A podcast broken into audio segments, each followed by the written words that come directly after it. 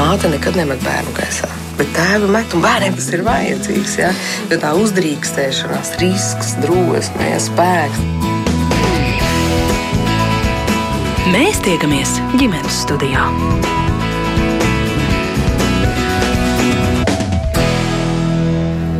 Labdien, rādījums ģimenes studija sāk savu skanējumu. Jūs sveicināta rādījuma producente Ilza Zvaigznes un es Agnese Linka.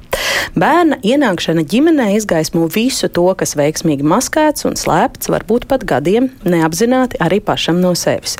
Un, lai kā mēs gribētu sagatavoties mazuļu ienākšanai ģimenē, lai kādas grāmatas lasītu, lai kādus kursus apmeklētu, bērna piedzimšanai nav ekvivalenta. Mēs varam mācīties tikai ejot šai pieredzē cauri. Šis citāts pieder kādas jaunas grāmatas autorei Madarai Pauzerei, un tā arī šodien ir iedvesmojusi mūsu ģimenes studijā runāt par to, Kā tad īsti gatavoties un sagatavoties pirmā bērna ienākšanai ģimenē, vai tas vispār ir iespējams? Šķiet, ir tik ļoti daudz dažādu praktisku veidu, ko un kā var darīt, bet kā topošajiem vecākiem sagatavot arī savu prātu un pārim savas attiecības tam, ka nu mēs būsim trīs. Par to visu un droši vien vēl vairāk sarunu šodien ģimenes eh, studijā un tajā piedalīties laipni piekrituši gaidību dienas grāmatas izaugt mīlestībā autori arī mamma, dēlam Madara Pauzere. Labdien! Jā, sveiki. Arī biedrības tēva pārstāvis un divu meitu tētis Gatis Smidrovskis. Labdien! Un arī dzene gestalta terapeita Rīgas Stradiņa universitātes docētāja un četru bērnu māma Elīna Zelčāna. Sveicināta Elīna, mums pievienojas attālināti. Sveiki! Jā.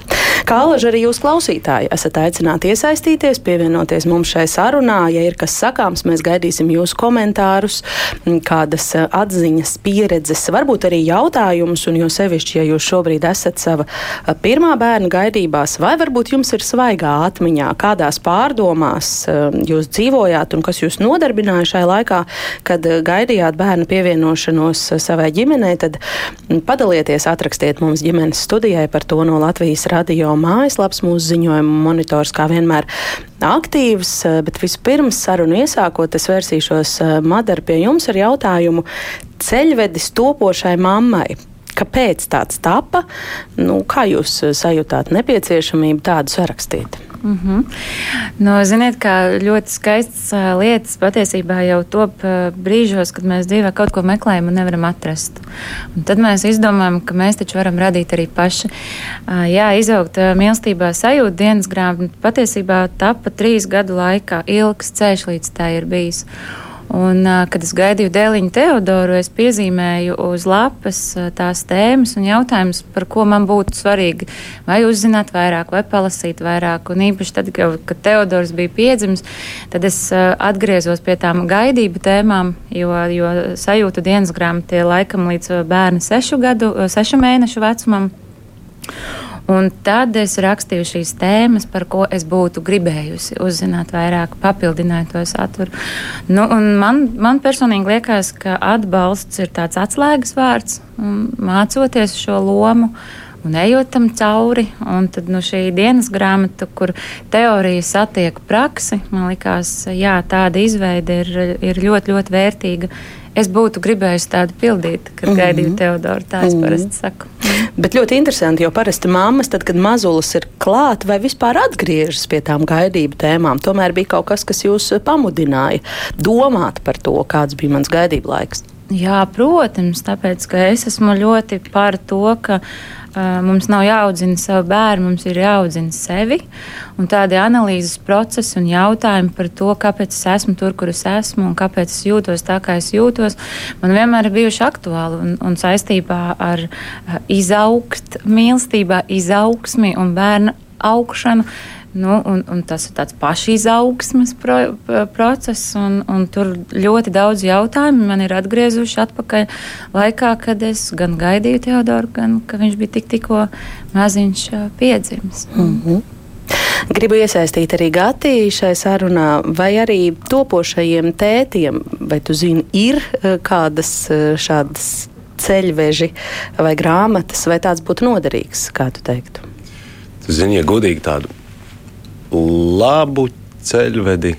Ne, ir daži. Ir, ir, ir pāris varianti, un ir arī bukleti un, un mazas grāmatiņas. Um, bet laikam tā, tā mūsdienu realitāte rāda, ka nav pietiekami daudz, vai arī nav pietiekami labi uh, tie resursi, kur tad jaunais tētis varētu saprast, kas būs, kāda ir tā viņa atbildība un ko tas nozīmēs viņam, ko, uh, ko tas nozīmēs uh, viņa teiksim, partnerei un kāda būs tā ģimenes dzīve, kā tas viss būs, uh, kā, kā tas viss izvērtīsies. Man liekas, ka bišķītiņa kaut kas tomēr tur pietrūkst. Mm -hmm. Bet mēs fokusējamies parasti mamām, par mamām, mm -hmm. priekšmamām un ap mamām. Tētiem arī kaut kas tāds būtu vajadzīgs. Vīrietim vispār ir jāgatavojas pirmā bērna ienākšanai. Jā. Viņa dzīvē. um, ne, varam arī negatavoties. Mierīgi, nekāda problēma. Vienīgais, ka radās problēmas. Un, uh, un, un, un es, es, es šo gatavojoties redzējumam, uzdevu vairākiem cilvēkiem šo jautājumu, nu, ko tad viņi darītu, ja viņi uh, vairāk kā, gatavotos atkal bērniņa ienākšanai ģimenē. Un, pirmo reizi. Pirmo jā. reizi, un lielākā daļa tomēr pieminēja šo jautājumu, šo faktu, ka um, vairāk runātu ar bērniņa tēti par to, kādas būs viņa atbildības, ko viņš varētu uzņemties, kāda būs tā viņa loma. Un, un, un vēl vairāk veidojas šis viedoklis, jā, ka, un es arī pats sevi atceros. Mums nav ne jausmas. Mēs nezinām, ko tas nozīmē. Nu, protams, tas uh, mūsu uh, padomju mantojums mums ir labi atstājis uh, ziņas par to, nu, ko tad īstenībā tēvs dara. Um, Tad, kad dzimst bērniņš, viņš iet uz skrogu. Ar draugiem svinēt. ar, draugiem, ar draugiem svinēt, tieši tā. Un tad, kad, tad, kad bērniņš ir jāprūpē kādam, Tā, protams, ir mamma. Tēvs iesaistās nu, tur tā, ap pieciem gadiem, tad, kad ir jāsāk mācīt futeni vai kaut kas tamlīdzīgs. Mm -hmm. un, un, jā, to es tiešām diezgan daudz tad, saklausīju. Ka, vairāk jāiesaista tēti. Bet tu to saklausīji par šo apspriežoties ar sievietēm, ar mamām? Pārsvarā jā. Jā, jā, jā. Nu, tā kā 95%. Mm, ne. Labi, Elīna, gribu arī jums vaicāt, kā ir vai topošajiem vecākiem bērna gaidīšanas laikā, kāda jūsu vērojumi, droši vien arī ar personisko pieredzi varat dalīties? Vairāk praktiskas vai emocionālas dabas ir to jautājumu un neskaidrību? Es teiktu, ka vairāk varbūt emocionāls dabas, jo ar to praktisko pusi varbūt to kādos dzemdību sagatavošanas kursos var tikt, kā saka, krastā un ir bukleti, ko kā, kā zīdīt un to tālāk. Bet ko darīt vīrietim, kad sieviete emocijas iet pa gaisu, kad viņai tam bērniņam ir kolik, kolikas un viņa, viņa, piemēram, sāk bļaut uz vīru un kā to neuztvert personīgi, kā saprast, kas notiek vispār ar sievieti šajos nu, pēcdzemdību pirmajos mēnešos. Kā sievietei saprast to, ka varbūt arī vīrietim ir var būt kaut kāda nezinu, izdegšana vai kaut kāda cita sajūta par to, ka viņš strādā, un viņš varbūt nevar iedot tik daudz, no viņa gaida. Viņš nezina, ko iedot. Ja? Un kā savstarpēji iesaistīt varbūt vēl kādus atbalstošos resursus, omīti vai auklīti vai kādu citu, ja mēs saprotam, ka mums ļoti, ļoti pietrūkst arī laiks, varbūt divi tā. Tur ir ļoti daudz jautājumu, kas teikt vairāk tā tieši psiholoģiski. Eh, man kaut kā tā intuitīvi par šo domājot, šķiet, ka mēs tomēr biežāk pievēršamies visu to praktisko eh, jautājumu un, un praktisko neskaidrību un potenciālo problēmu risināšanai vai tam, lai pret tām nodrošinātos un to emocionālo pusi atstājam novārtā. Vai tam varat piekrist? Jā, es tā domāju, ka tam varētu piekrist. Jo parasti ļoti daudz mēs zinām par to, kā viņi parasti cel to bērniņu, kā tur handlinga principi un ko darīt un ko nedarīt. Un tad mēs ļoti daudz domājam par to pirmo pūriņu un par visām šīm lietām. Bet ļoti bieži mēs koncentrējamies uz bērnu, bet ne uz savām vajadzībām. Bet bieži vien mēs atstājam sevi novārtā, bet tas jau pastarpināti ietekmē arī bērnu tālāk. Ja, piemēram, mamma ir nervoza, vai ja tētis neatbalsta pietiekami mammu, tas atkal ietekmē mammu, un mammas pieniņā aiziet kaut kāds stress un citas lietas. Līdz ar to mēs nevaram to bērniņa kopšanu skatīties atraut no visas ģimenes sistēmas.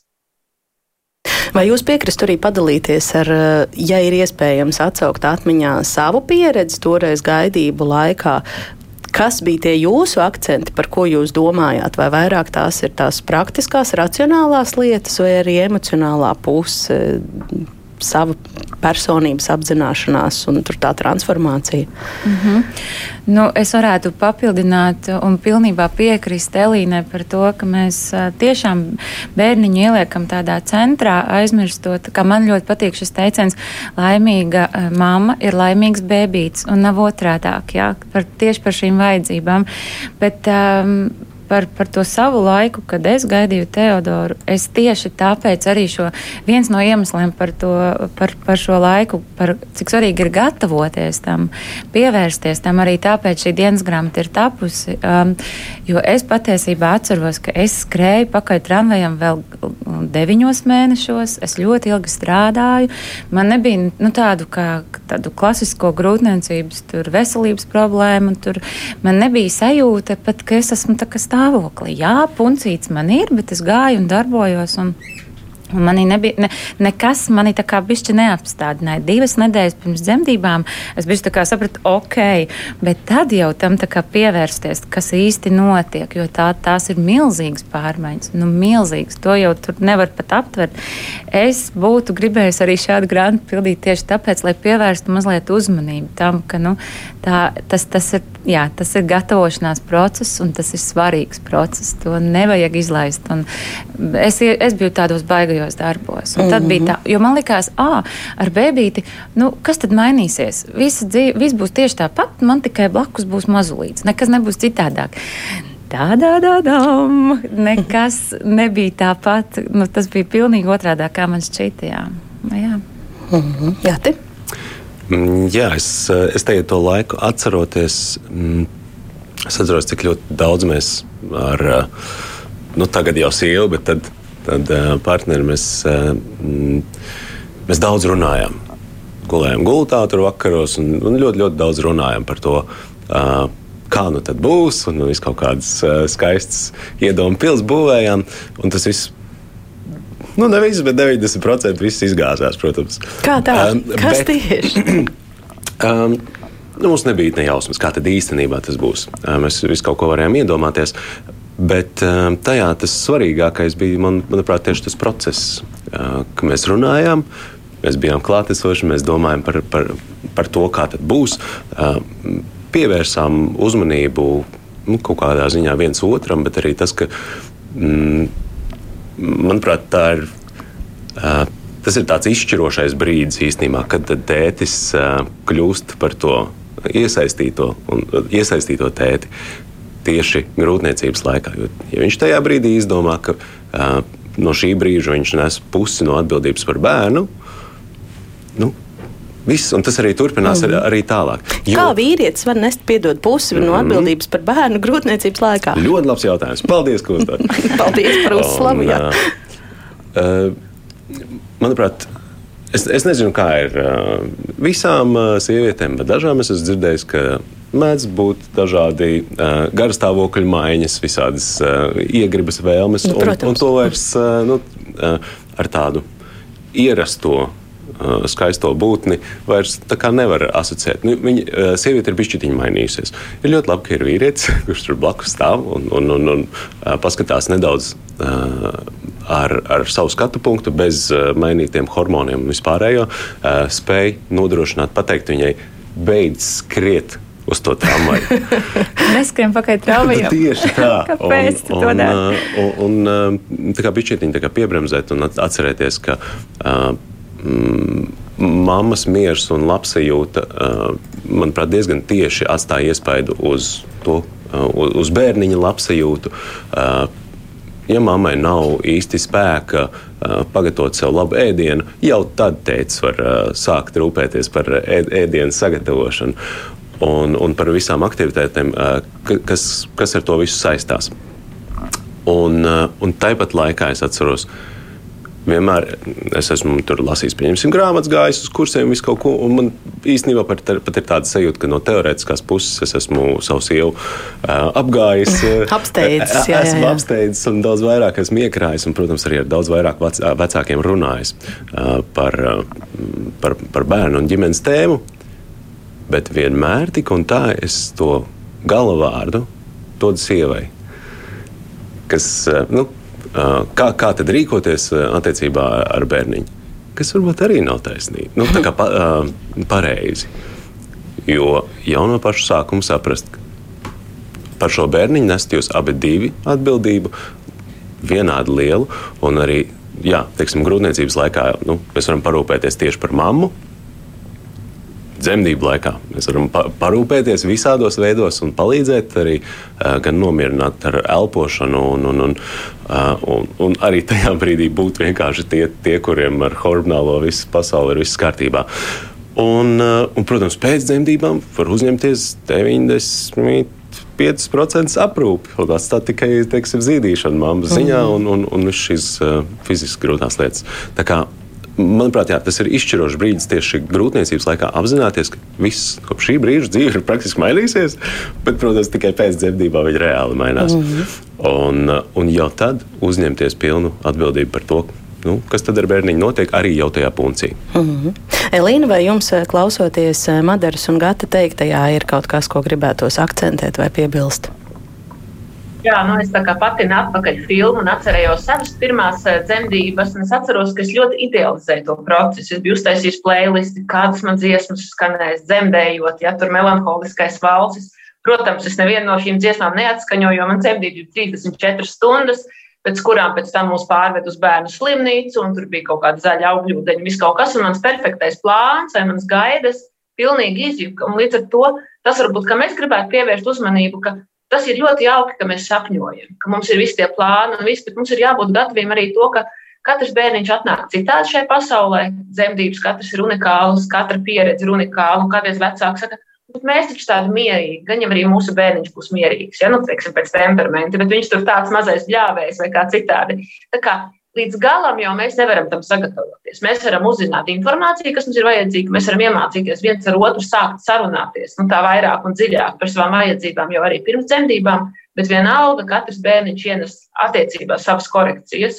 Un tāpēc arī Latvijā ļoti bieži tas variants, ka nu, pāri bieži izšķirās bērna pirmajā dzīves gadā, tādēļ, ka ir daži, kas neiztur šo spriedzi, Un ir atkal citi piemēri, atkal tie labie, ka tev liekas, ka nu, mans partneris jau tur nevarēs nekādu atbildību uzņemties, vai nezinu, kāds viņš būs kā tēvs. Tad ieraugi no pilnīgi citas puses, saprot, wow, un es nekad nebiju to domājis un gaidījis.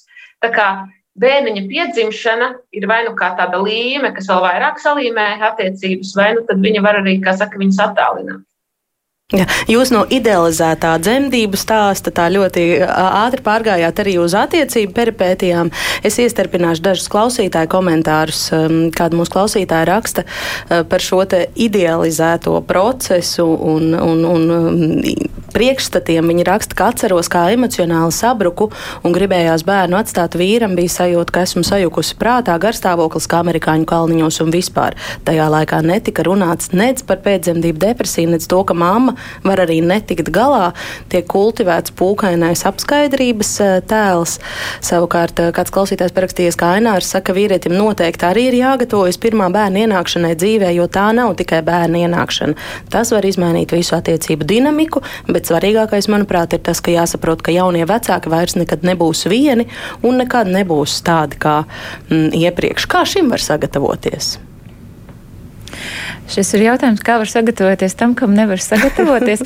es domāju, ka vienkārši ejot tam cauri un, un esot tajā situācijā, esot ar to jauno izaicinājumu, esot ar to problēmu, brīnišķīgi, ja partneri ir komanda, tad mēs kopā skatāmies uz to, kā to var risināt. Mm -hmm. Un te ir vēl viens ļoti būtisks moments. Nu, viens ir tas, ko mēs no otra varbūt gaidām, lai tas teica, tur vairāk iesaistās, vai tur, nu, vai, vai teica, tur ne to, vai, vai nu, viens uz otru mēs tā nobakstām, ja, kā mēs gribētu, bet tā savu vajadzību saprašana īstenībā ir punkts numur viens, jo tā bija man tāda, mans klupšanas akmens. Man arī jāpiekrīt tām mamām, kurām, kurām ir šī pieredze par to, ka pēcdzemdību periods sākums ir dramatisks. Es tā godīgi sakot, nu, tāds trīs mēneši apmēram ļoti miglainas atceros. Un tā kā jā. Tā kā atceros, bet, bet tas bija ļoti, ļoti grūts laiks. Un, un, un, un tad, pēc kaut kāda brīža, kad tu lēnām mosties, uh, Un atbalsts ir ļoti liela nozīme atbalstam. Tu saproti, ka viss jau sākas ar tām savu vajadzību nosaukšanu nu, pašam. Nu, tad kā es gribu, jūs, kas man ir vajadzīgs, nu, kas man apmierina, neapmierina. Un, un tad tu vari iesaistīt tur Jo tad vai prasīt no partnera, lai viņš nolasa tās tavas domas, un, no, nu, tas, mm. tas ir nereāli. Bet kaut ko profilaktiski izdarīt tā, lai tas pirmais pēcdzemdību laiks nav tik dramatisks, kā jūs sakāt, Jā. lai tas nav kā pamigli. Tur būtu varētu kaut ko darīt. Kā jūs tagad tā atpakaļ skatoties, domājat? Praktizēt ļaušanos un, un, un lūgt palīdzību. Jo, nu, nu kā, nu, tu vienkārši plūsti. Tu, tu, tu vari izdomāt, mums ir mierīgi raksturi, mums būs mierīgs bērniņš.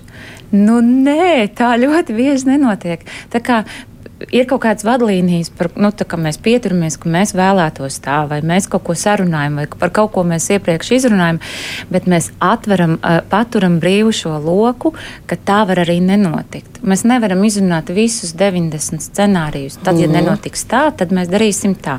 Nu, tā tas vai dzīvē strādā ļauties un, un tajā konkrētajā eh, problēmu situācijā meklēt kopā risinājumu. Nu, tad es formulēšu tā, pārējot pie kāda. Piemēram, ja Madara saka, nu, šis ir jautājums par to pāri attiecību dinamiku runājot. Jautājums, kā sagatavoties tam, kam nevar sagatavoties, nu, ko tad tur daudz runāt? Pienāks brīdis, un tad ļausimies tam, kas ar mums notiek. Ar to runāšanu mēs viens otru varam labāk iepazīt. Attiecīgi, jo mēs vairāk runāsim, jo mēs uh, labāk sapratīsim, kā mēs, kā mēs uh, reaģējam stresa situācijās. Jo nu, tas sākums ir interesants. Jūs neesat abi izgulējušies. Ļoti iespējams, ka esat um, um, nepēduši vai švaki ēduši, um, fiziski noguruši, visu kaut ko staipoties, visu laiku visu kaut kas ir jādara.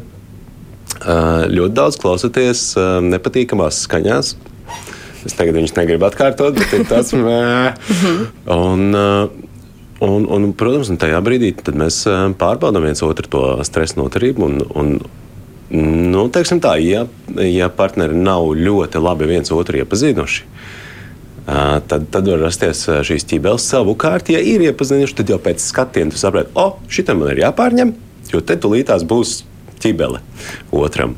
Uh, un, uh, Un, manuprāt, jā, tas ir. Nevar sagatavoties. Es, es pilnīgi piekrītu. Uh, lai gan viens no maniem mīļākajiem uh, tētiem, kas ir nācis uz, uz kursiem, uh, uz, uz grupām, bija mm, tāds, kurš tieši gaidot bērniņu, un kamēr mums notika šī grupa, tikmēr viņš arī piedzima.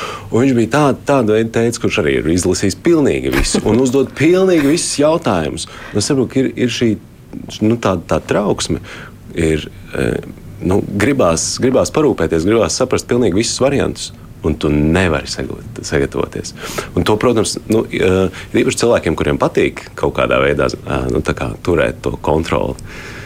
Ir grūti ļauties, ir mhm. šausmīgi grūti ļauties. Jā, tie, kuriem ir labi improvizācijas spējas, jā, ok, tur varbūt tas ir daudz vieglāk. Mm. Bet tas ir ļoti, ļoti sarežģīti. Es varbūt varu mazliet papildināt, ja ir kaut kādi tādi jautājumi par arī, kad uh, Teodoriņš piedzima, atpakaļ skatoties. Tas, ko es būtu gribējusi zināt, piemēram, gaidību laikā vairāk pievērsties, tas neizslēdz to, ka mēs neizglītojamies par zīdaiņu miegu, par to, kādi ir šie cikli. Lai tu pēc tam, ka bērniņš ir piedzimis, nesaki sev, ka tu esi nenormāla mamma, tāpēc, ka tev bērniņš neizguļ visu nakti, lai gan patiesībā mazulītim nav jāizguļ visu nakti, un tā nezināšana iedod, iedod tev to sajūtu, ka tu neesi normāla normāla, ka jūsu ģimene nav normāla un ka viss ir slikti. Varbūt zināšanas nomierina, jā, bet tāpat tās tas ir par spēju ļauties lielā mērā. Mm, mm, kāda klausītāja parakstīsies, kā mamma diviem raksta, citējot manu terapeiti, sarunāšanās ir ģimenes asinsrite un tik daudz mums tā visiem vēl e, jāmācās. Elīna, ko par šo teiksiet?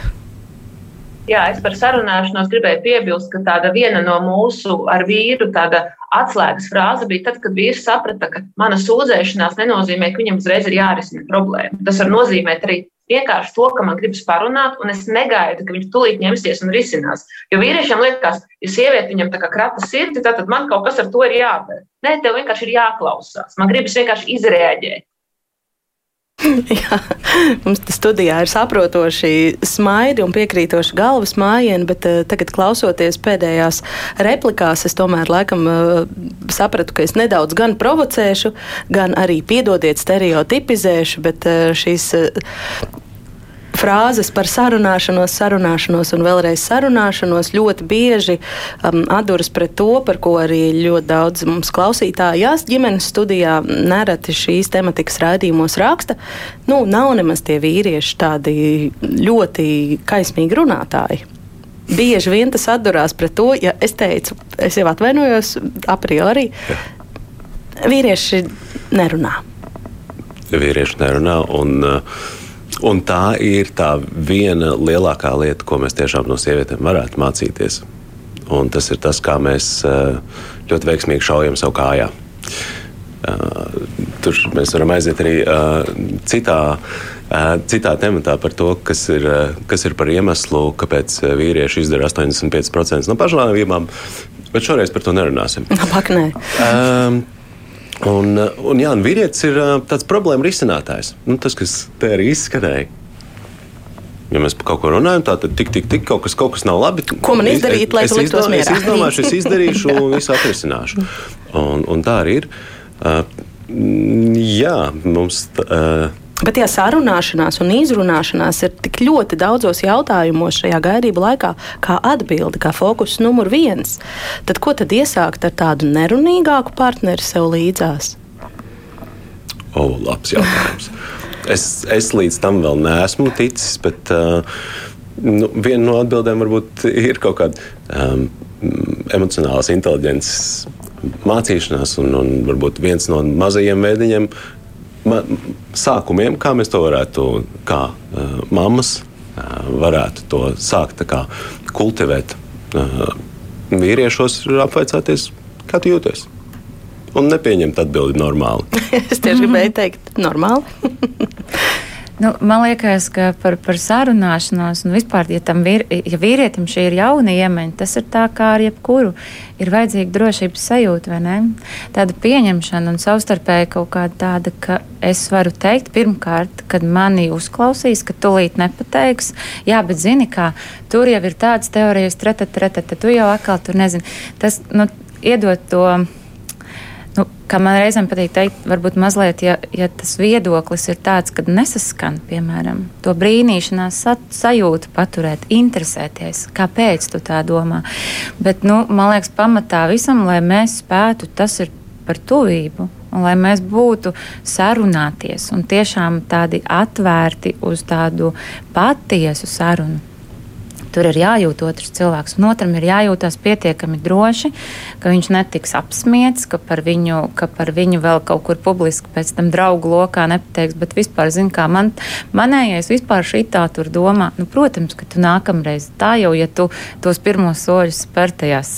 Nu, Tu negribēsi runāt. Nu, man liekas, tas ir par tādu tuvību mm, arī mm. ļoti lielā mērā. Cik mēs spējam uh, vienam otram, viens otram būt tā patiešām blakus. Mm. Bet droši vien ļoti optimistiski būtu tā teikt, ka mm, šie deviņi mēneši, nu, vai varbūt kādi seši mēneši no gaidību laika ir pietiekams laiks, lai to tuvību tā pa īstam nostiprinātu, lai tiešām tās pāra attiecības būtu maksimāli amortizētas, tad, kad mēs vairs nebūsim divi vai trīs Elīna. Jā, es vēl par to sarunāšanos varu piebilst, ka reizēm ir svarīgi arī, ja tevi uzklausa, bet tas otrs daudz nerunā. Viņš var tevi apskaut, viņš var pateikt, es esmu ar tevi, es tevi sajūtu, es tevi sadzirdu, es eh, tevi atbalstu. Un varbūt pat viņam nav viedoklis, viņam varbūt pat nav kaut, kā, kaut kas, ko tev piedāvāt, bet tā būšana blakus un tas atbalsts, kaut vai fiziska rokas apklikšana, arī tas ir daudz. Jā, es atgādināšu, ka šodien ģimenes studijā mēs runājam, eh, vai un kā ir iespējams sagatavoties pirmā bērna ienākšanai um, jaunā ģimenē. Mm, mani sarunu biedri šodien ģimenes studijā ir gaidība dienas grāmatas izaugt mīlestībā autori Madara Pauzere, biedrības tēva pārstāvis Gatis Smidrovskis un gestalterapeite Elīna eh, Zelčāne. Un eh, vēl kāds klausītāju komentārs Armāns raksta, man ir pāri 30, es vēlos bērnu, bet mani ļoti kaitina viņu izdevumu izdarības līdz apmēram 5 gadu vecumam. Bērns uzskata, ka ir pasaules naba un visam ir jāgrozās ap viņu. Tas ir ļoti kaitinoši. Kāpēc gan bērni nevar piedzimt tādi, kuri jau prot kontrolēt savas um, emocijas? Gads ļoti plati smaida. Mēs nezinām, vai šis tētis jau ir bērniņa gaidībās, bet viņš raksta, ka viņš vēlas bērnu. Kāds būtu viņa sagatavošanās uh, ceļš? Interesanti, ka 30-gadīgs vīrietis klausās ģimenes studiju bez bērniem. Mm, paldies uh, viņam par to. Paldies, ka viņš klausās un interesējās. Un es viņam varu pateikt, ka uh, tev nepatīk citu bērnu izdarības, bet tev ļoti patiks savu bērnu izdarības. Viņi ir ārkārtīgi forši līdz tiem pieciem gadiem. Ļoti īss un koncentrēts padoms, Jā, Madara. Nu, es domāju, ka ļoti bieži mums ir dažādi priekšstati par kaut ko. Mums liekas, ka viņi ir egocentriski un grib uzmanību uz sevi, vai viņi mums grib spītēt, bet tajā brīdī, kad mēs mazliet vairāk uzzinām par to, kā elementāri darbojas bērna smadzenes, piemēram, ja, kā notiek šī smadzeņu attīstība, mēs vienkārši sapratam, saprotam, ka tas divgadni, tas ir nekas personīgs, tas ir viņa vienkārši tā, tajā brīdī šim bērnam, viņš iet cauri tādam izaugsmas procesam. Viņam ir vienā brīdī jābūt spītniekam, viņam ir vienā brīdī tas ir tik ļoti vajadzīgs. Un tajā brīdī, kad mēs, nu, tā, tā teorija nu, ir mums jāmācās vecākiem, mums ir jāizglītojas, un tajā brīdī, kad mēs uzzinām šādas lietas, Tad arī atkrīt šīs gaidas un, un aplomīja priekšstati par to, ka bērns man grib ieriept, vai, vai ka mēs izdomājam divgadnieku tur ielikt stūrī, lai viņš pārdomā dzīvi, piemēram. Jā, nu, tā kā ar mums darīja. Jā, nu, jā, jo taču kaut kā tā, tā kā likās, ka normāli, vai ne? Kādu, mēs taču visi esam izauguši, kaut kādi jau esam izauguši. Bet tad, kad mēs uzzinām, ka tur pilnīgi citi iemesli, kāpēc tas bērns tā reaģē. Tas arī var palīdzēt. Vienkārši atmetot nereālistiskās gaidas, un pēkšņi tu ieraugi savu brīnišķīgo bērnu. Kā brīnišķīgu bērnu, kurš nevis spītējās, bet iet cauri tam, kam viņam ir jāiet cauri. Mm -hmm. Elīna, ja jums būtu kaut kas jāsaka šim jaunajam cilvēkam, kurš saka, man ir 30 un es vēlos bērnu, bet Jā, es gribu piekrist tikai Madarai, ka šī izpratne par to, kā tas bērniņš attīstās, viņa mums ļoti arī palīdz to vairāk pieņemt. Un, protams, tā ir tāda arī sava egoisma drupināšana, drusciņa, ja tāda savu robežu, kā saka, sašaurināšana. Varbūt, ja mēs nevaram būt, kā saka, visur es atnākšu no darba un dzeršu kafiju, man būs miers un klusums. Nu, tas ir arī stāsts par to, ka es apzinos, ka es ielaidu savā dzīvē kādu, kas viņu ļoti ietekmēs. Un varbūt kādreiz pirmais solis pirms bērna ir mājdzīvnieks, kurš arī grauž kurpes, ja viņš ir mazs, un jau mazliet to kontrolas atlaišanu mācies. Jā, bet vai te būtu arī vietā uzbāzties šim jaunajam vīrietim, teiksim, ar padomiem vai, vai kādiem ieteikumiem, ka viņam būtu jāizlasa vai, vai jāiegūst vairāk informācijas par to, kāpēc tie bērni ir tādi un kāpēc viņi tā uzvedās tajos pirmajos dzīves gados? Tas šausmīgi palīdz.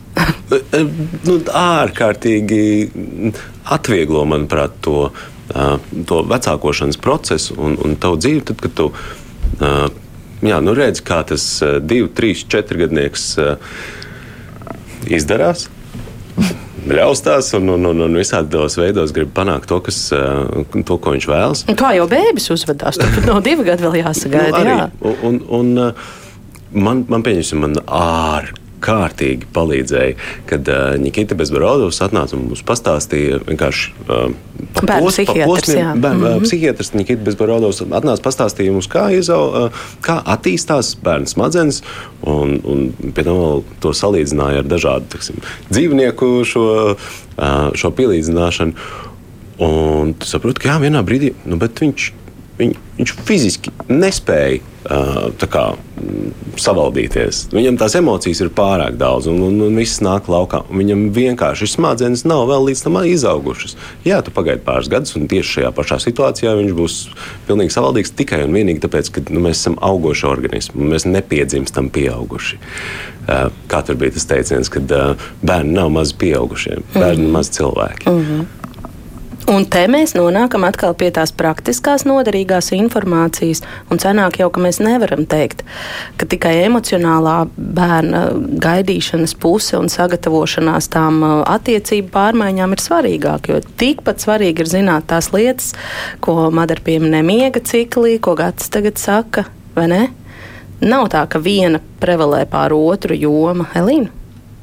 Jā, es pilnībā piekrītu, ka tam ir jāiet roku rokā. Mums ir jādomā vienlaikus gan par to praktisko un izglītoties, gan arī par, par, par nu, teiksim, tādu emocionālo un par attiecību jomu un par bērnu tieši aprūpi un visu pārējo. Mēs nevaram kā, izdalīt kādu kā primāru. Cik lielā mērā apdraudējums eh, tai kaut kādai nosacītai harmonijai ir tas, ka mūsu rīcībā esošais zināšanu apjoms ir ļoti atšķirīgs? Piemēram, eh, es nezinu, nu, lai nebūtu atkal stereotipiski, tad teiksim tētis, kas ir izlasījis un uzzinājis ļoti daudz, un māma, kura grib dzīvot tur eh, savā kosmosā, nekādu informāciju no ārpasaules nesmelties daudz un saka, kā būs, tā būs. Šī disonance var būt problēma. Jā, bez šaubām. Bet uh, te ir atkal um, platforma sarunām. Un atkal platforma, m, paskatīties uz tām partneru attiecībām un, un tādā, skaistā, tādā skaistā variantā uz, uz komandu, kā, kā bēr, bērnu audzināšanā, ka pār, pāris ir komanda. Un tad vienkārši es nācu šeit šorīt, un es tieši par šo jautājumu domāju. Un man tiešām patīk šī pieeja par šo brīnīšanos. Nu, ja pieņemsim, tētis saka, tā vajag darīt, vai mamma saka, tā nevajag darīt, tad apsēžamies un parunājam, no kurienes tas nāk, kāpēc tev ir tāda pārliecība. Un reizēm tur brīnum lietas izgaismojas par kaut kādu savu pieredzi, savu bērnību, kaut kādu. Nu, un tad var jautāt tālāk, jā, bet kā tu jūties kā bērns? Nu, kad tev tur bija mama vai tētis, teica, ka tā vajag, jo kaut kas jau ir izveidojis. Kā mēs domājam, kā mēs uzvedamies, kaut kas jau tur ir pamatā tam. Un tā kā nevis otru nolikt un teikt, nē, tā nav taisnība, bet paskatīties, kāpēc tas tā ir. Bet tur mm. arī ļoti svarīgs tas tuvības jautājums, cik mēs varam viens otru pieņemt. Un tad reizēm pat nav jāmeklē kompromiss. Sarunas laikā mēs abi saprotam, ka jā, nu, par kaut ko mēs varam par to vienu risinājumu vienoties. Mm, Bet, tas, protams, ka tā var būt problēma. Protams. Nu jā, tas, par ko runā Madara, tie būtībā ir atšķirīgi uzskati, atšķirīgas pieredzes un arī atšķirīgi uzskati bērnu audzināšanas jautājumos, vai tas var būt izaicinājums vēl pirms mums ir bērns, vai par to jau var um, kaut kā runāt un arī tam kaut kā nobruģēt ceļu. Mm šīs ir ļoti labs temats. Tieši, tieši par ko tad arī runāt, kamēr jūs uh, gaidat bērniņu, guļat gultā vakarā un, un uh, plānojat vai, vai uh, iedomājaties, kā tas būs. Un viens no šiem tematiem, kā tad īstenībā tev bija bērnībā? Mm -hmm. nu, kāda attieksme bija taviem vecākiem pret tevi, kā tu uzaugi, un, un, un kaut kāda arī tomēr jā, vērtības sistēma. Un, nu, labi, ka tu par šo uzjautā, Agnes, jo nu, tas tiešām tas ir svarīgs, svarīgs jautājums.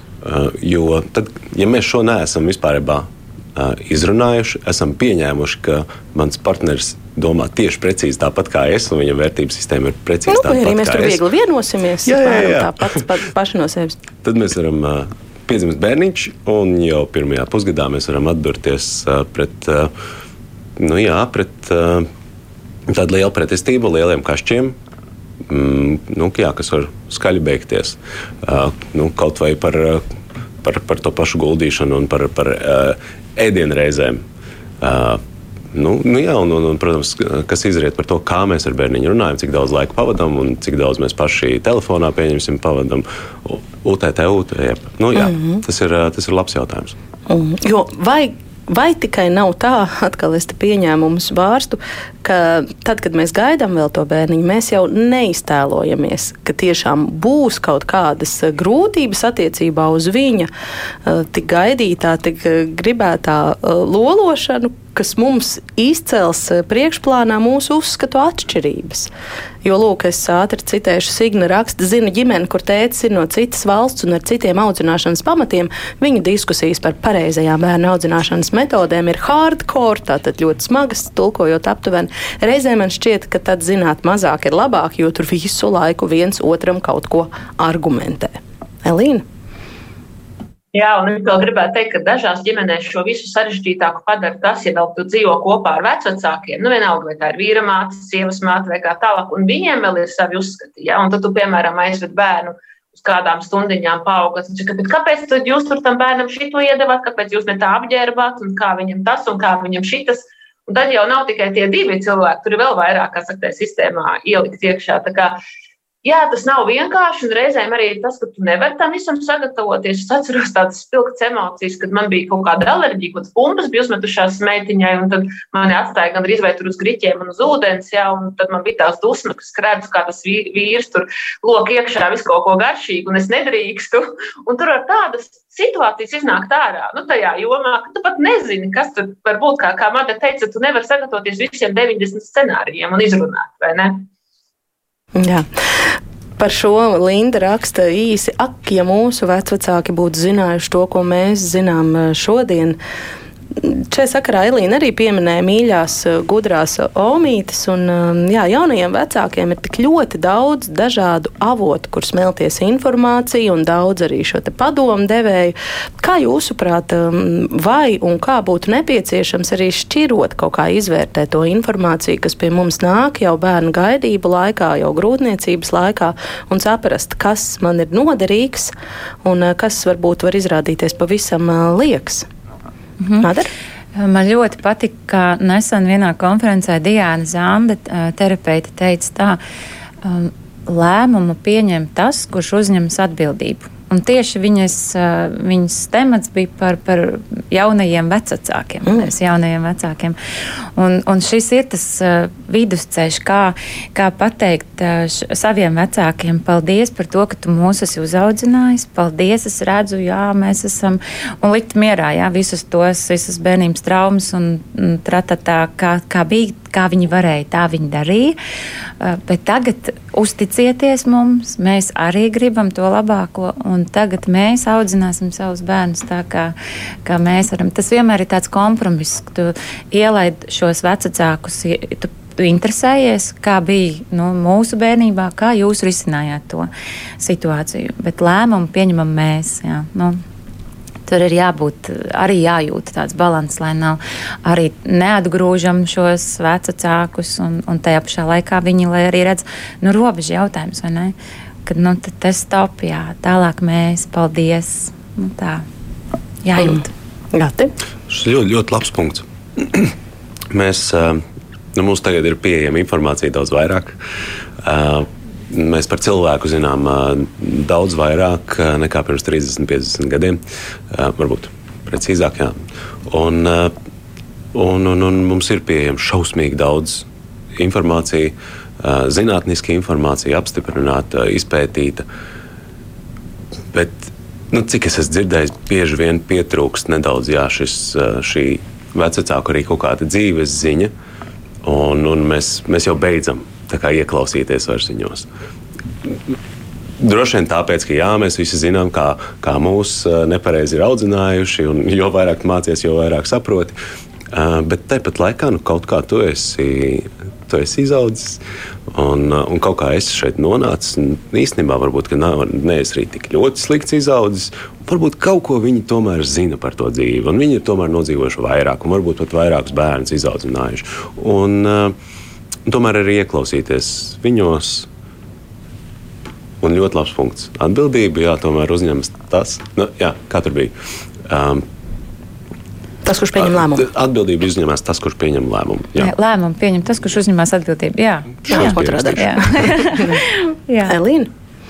Par avotu šķirošanu varbūt nedomājot tikai par vecākiem, bet tā plašāk jā, es varu piekrist tam, ka mums ir jābūt atvērtiem tam informācijai. Mums ir divi grāvi. Viens grāvis, ka mēs tikai ejam pavadāt tikai tam, ko mums varbūt tur pasaka. Tur vienalga vai vecāks, vai internets, vai kāds tur speciālists. Mēs tā kā vienalga, kuru informācijas avotu mēs paņemam, mēs to tā kā klaps uz acīm. Ja? Un ne pa labi, ne pa kreisi. Un otrs atkal ir tas, ka uh, pilnībā nē, es visu zinu pats, ja tā kā izvērtēt un arī nebaidīties, varbūt kaut kādā ziņā eksperimentēt. Es arī, piemēram, esmu eksperimentējis ar mazgājumiem autiņiem un ar parastiem. Un vienkārši liku dvielīti un liku gan sunīšu tējā, gan bepantēnu smērē. Un es paskatījos, kas tad manam bērnam palīdz tam dubsim būt veselākam. Nu, tā ļoti praktiski. Nu, tas ir normāli arī, ka mēs mēģinām un skatāmies. Jā, vēl dažas klausītāju replikas.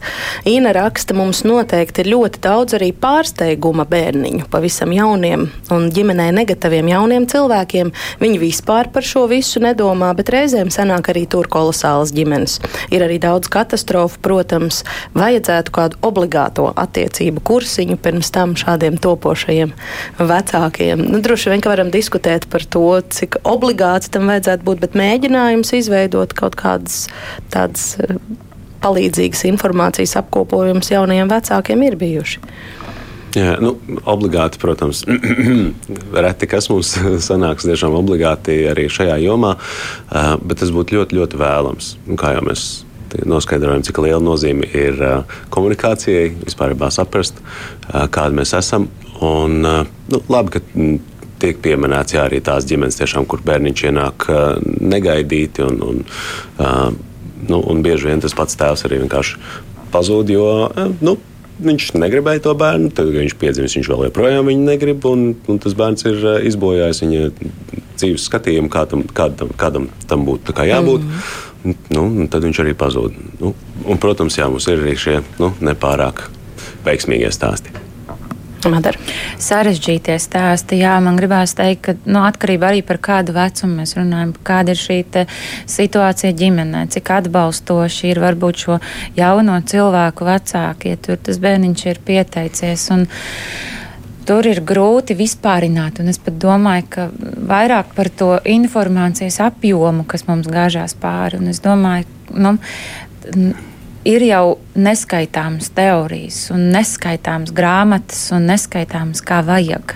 Tā kā ziedonim ir šis teiciens, tik daudz taisnību nojukt var, ja nav Jā. savējās, bet kā var būt savējā, ja tu vēl tikai mācies, un lai kāds būtu tas tavs stāsts, lai kādā vecumā, lai kādā situācijā tas bērniņš būtu ienācis. Nu, Nu, man jau gribās domāt, ka mēs paliekam aizvien tādi apzinātāki, šie vecāki. Mēs vairāk strādājam ar sevi, ka tēti aizvien vairāk um, meklē informāciju. Mēs aizvien vairāk tomēr skatāmies tajā savās bērnībās un, ka, un, un domājam par to, kā tad mums tur bija, vai mēs gribam to pārnest un kas ir tas iemesls, kāpēc mēs nevaram nepārnest vai nu, par dažādām Man jau gribās domāt, ka, ka, ka mēs paliekam aizvien tādi foršāki, vecāki, bet lai kādā scenārijā tas bērniņš tajā ģimenē ienāktu, ja mēs ejam tam procesam cauri, nu, ko es varu teikt, apzināti, bet uh, mācoties un sevi vērojot un pētot, tad. Uh, Nav teikts, ka 16-gadīga mamīte beigās neuzaudzina brīnišķīgu bērnu. Tā kā man negribās vispārināt. Bet sarežģītie, sarežģītie stāsti ir vienkārši prasa vairāk atbalstu. Mm -hmm.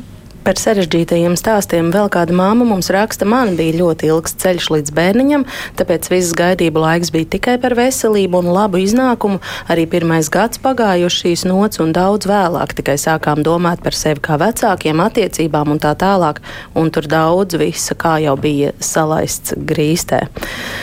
Arī, arī šādi akcenti jā, var nolaupīt ļoti daudz ko no tādas skaistās, pareizās un ideālās gatavošanās, vai ne, Elīna? Jā, es piekrītu. Tāpēc man liekas, ka ļoti svarīgi, jauniem vecākiem ir kaut kādi resursi, kur vērsties, tad, kad tev trūkst atbildes. Nu, piemēram, kur vērsties, ja kaut ko nesaprotu par bērnu veselību, kur vērsties, kad man kā mammai pēkšņi ir kaut kāds, es nezinu, strīds, varbūt ar vardarbīgu partneri, man nav jumts virs galvas. Ko darīt, kad man emocionāli paliek tik smagi, ka man gribas, nu, tajā brīdī, jāsaka, tā varbūt no tā bērna tikt vaļā, kā nepieļaut varbūt tādas traģēdijas, ko dabūt varbūt bezmaksas psiholoģisku atbalstu. Un kaut vai Es nesaku, ka mums vajag obligātus kursus, jo nekas, kas ir obligāts, parasti nestrādā. Bet mums vajag kaut kādus, nezinu, vai buklets vai ko, kur ir, nezinu, telefoni vai mājaslapas, kur ir resursi. Saprot, ai, man tagad nevajag, bet pēc tam tu viņu noliec atvilknē, un varbūt tad, kad tu būsi tajā krīzē, tu atcerēsies, un tu izvilksi to lapiņu. Jā, un rezumējot eh, gandrīz jau mūsu sarunu, es gribētu vēl mm, katram jums eh, vaicāt, ja es tagad mm, lūgtu jūs nosaukt kaut kādu vienu vai pāris lietas, eh, kuras varbūt ir viss mazāk mm, akcentētās vai nepelnīti piemirstās par ko jūs tomēr liktu aiz auss topošajiem vecākiem, kuri bērnu eh, savā ģimenē gaida ienākam pirmo reizi, par ko jūs tomēr viņiem mm, ieteiktu aizlikt tādu ķeksīti aiz auss? Man ir divas lietas. Um, meklējiet palīdzību.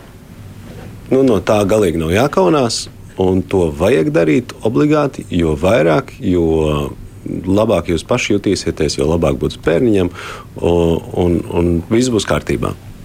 Mums ir kur to palīdzību sameklēt, ja viņi meklē. Un otra lieta sagatavojiet pilnu saldētavu ar jau gataviem ēdieniem. Mēs uztaisījām lazāņas un boloņas mērķus, un vēl sazinu, ko tur sapildījām maisos. Mums vismaz uz 3-4 mēnešiem bija forši ēdieni, tad, kad vajag kaut ko gatavu sataisīt, un, un galīgi negribās, un nav tam laika. Uh, Tā ir ļoti laba lieta, ko, ko jau sagatavot iepriekš. Un svarīga lieta, jo visiem mums ir jāēd, vai ne? Madara? Man arī nāk tādi praktiski padomi prātā. Nu, viens, es, protams, Gatim jāpiekrīt, uh, palīdzības lūkšana nav vājuma izpausme. Mums kaut kā reizēm tā liekas, mums pašiem jātiek galā. Agrāk bija ciemi, agrāk bija omītes, jā, mēs bijām lielās ģimenēs. Uh, šobrīd kaut kā tiem jauniem vecākiem liekas, nē, tā ir mūsu lieta, un tam mums tur divi tā uh, ar asinīm caur degu un tur jātiek galā pašiem. Nē, tās ir muļķības. Tā ir viena lieta, jā. Otra lieta ir, tā ir mana pieredze jaunās mamītes guļiet kopā ar saviem bērniņiem, tad, kad viņi ir piedzimuši, netīriet māju, netaisiet, nu, lieciet nost tās praktiskās lietas, izguļaties, jo tas, nu, ēdiens, miegs, ūdens, tās pamatlietas fizioloģija. Mēs varam runāt par garīgumu, bet ja mēs neesam pamata piramīdas apakšu apmierinājuši, mums tur nekur netiksim. Piramīda ņem un sabrūk. Jā. Piramīda sabrūk, jā. Tieši tā. Elīna, jums noslēdzošais vārds. Jā, un es paturpinot Mārtiņu, teikt, tajā brīdī, kad mēs esam izgulējušās, tad mums arī varbūt kādreiz vajag kaut kādu mazu, mazu prieka mirkli, lai nav tā, ka tas viss ir tāds viens liels upuris, ka tu tikai priekš citiem, jo tad tā kādā brīdī tu vari sākt palikt dusmīgs uz to bērnu, uz visiem, ka tu tā kā nevari neko sev atļaut sevi drusku pautināt un atcerēties, ka bērniem vajag mīlošs, nevis perfekts vecāks. Lielas paldies eh, par šo sarunu un par jūsu derīgajiem, vērtīgajiem padomiem. Es ticu, ka tādus eh, mēs nemazums šodien sniedzām mūsu klausītājiem. Madara Pauzer, Gatis Midrovskis un Elīna Zelčāna viesojās šodien ģimenes studijā. Radījumu veidoja Ilza Zvaigzne, Katrīna Bramberga un es Agnese Linka, bet kā vienmēr mēs esam atrodami arī podkāstos, mobilajā lietotnē sekoja ģimenes studijai sociālos tīklos, Facebook un Instagram un tiekamies!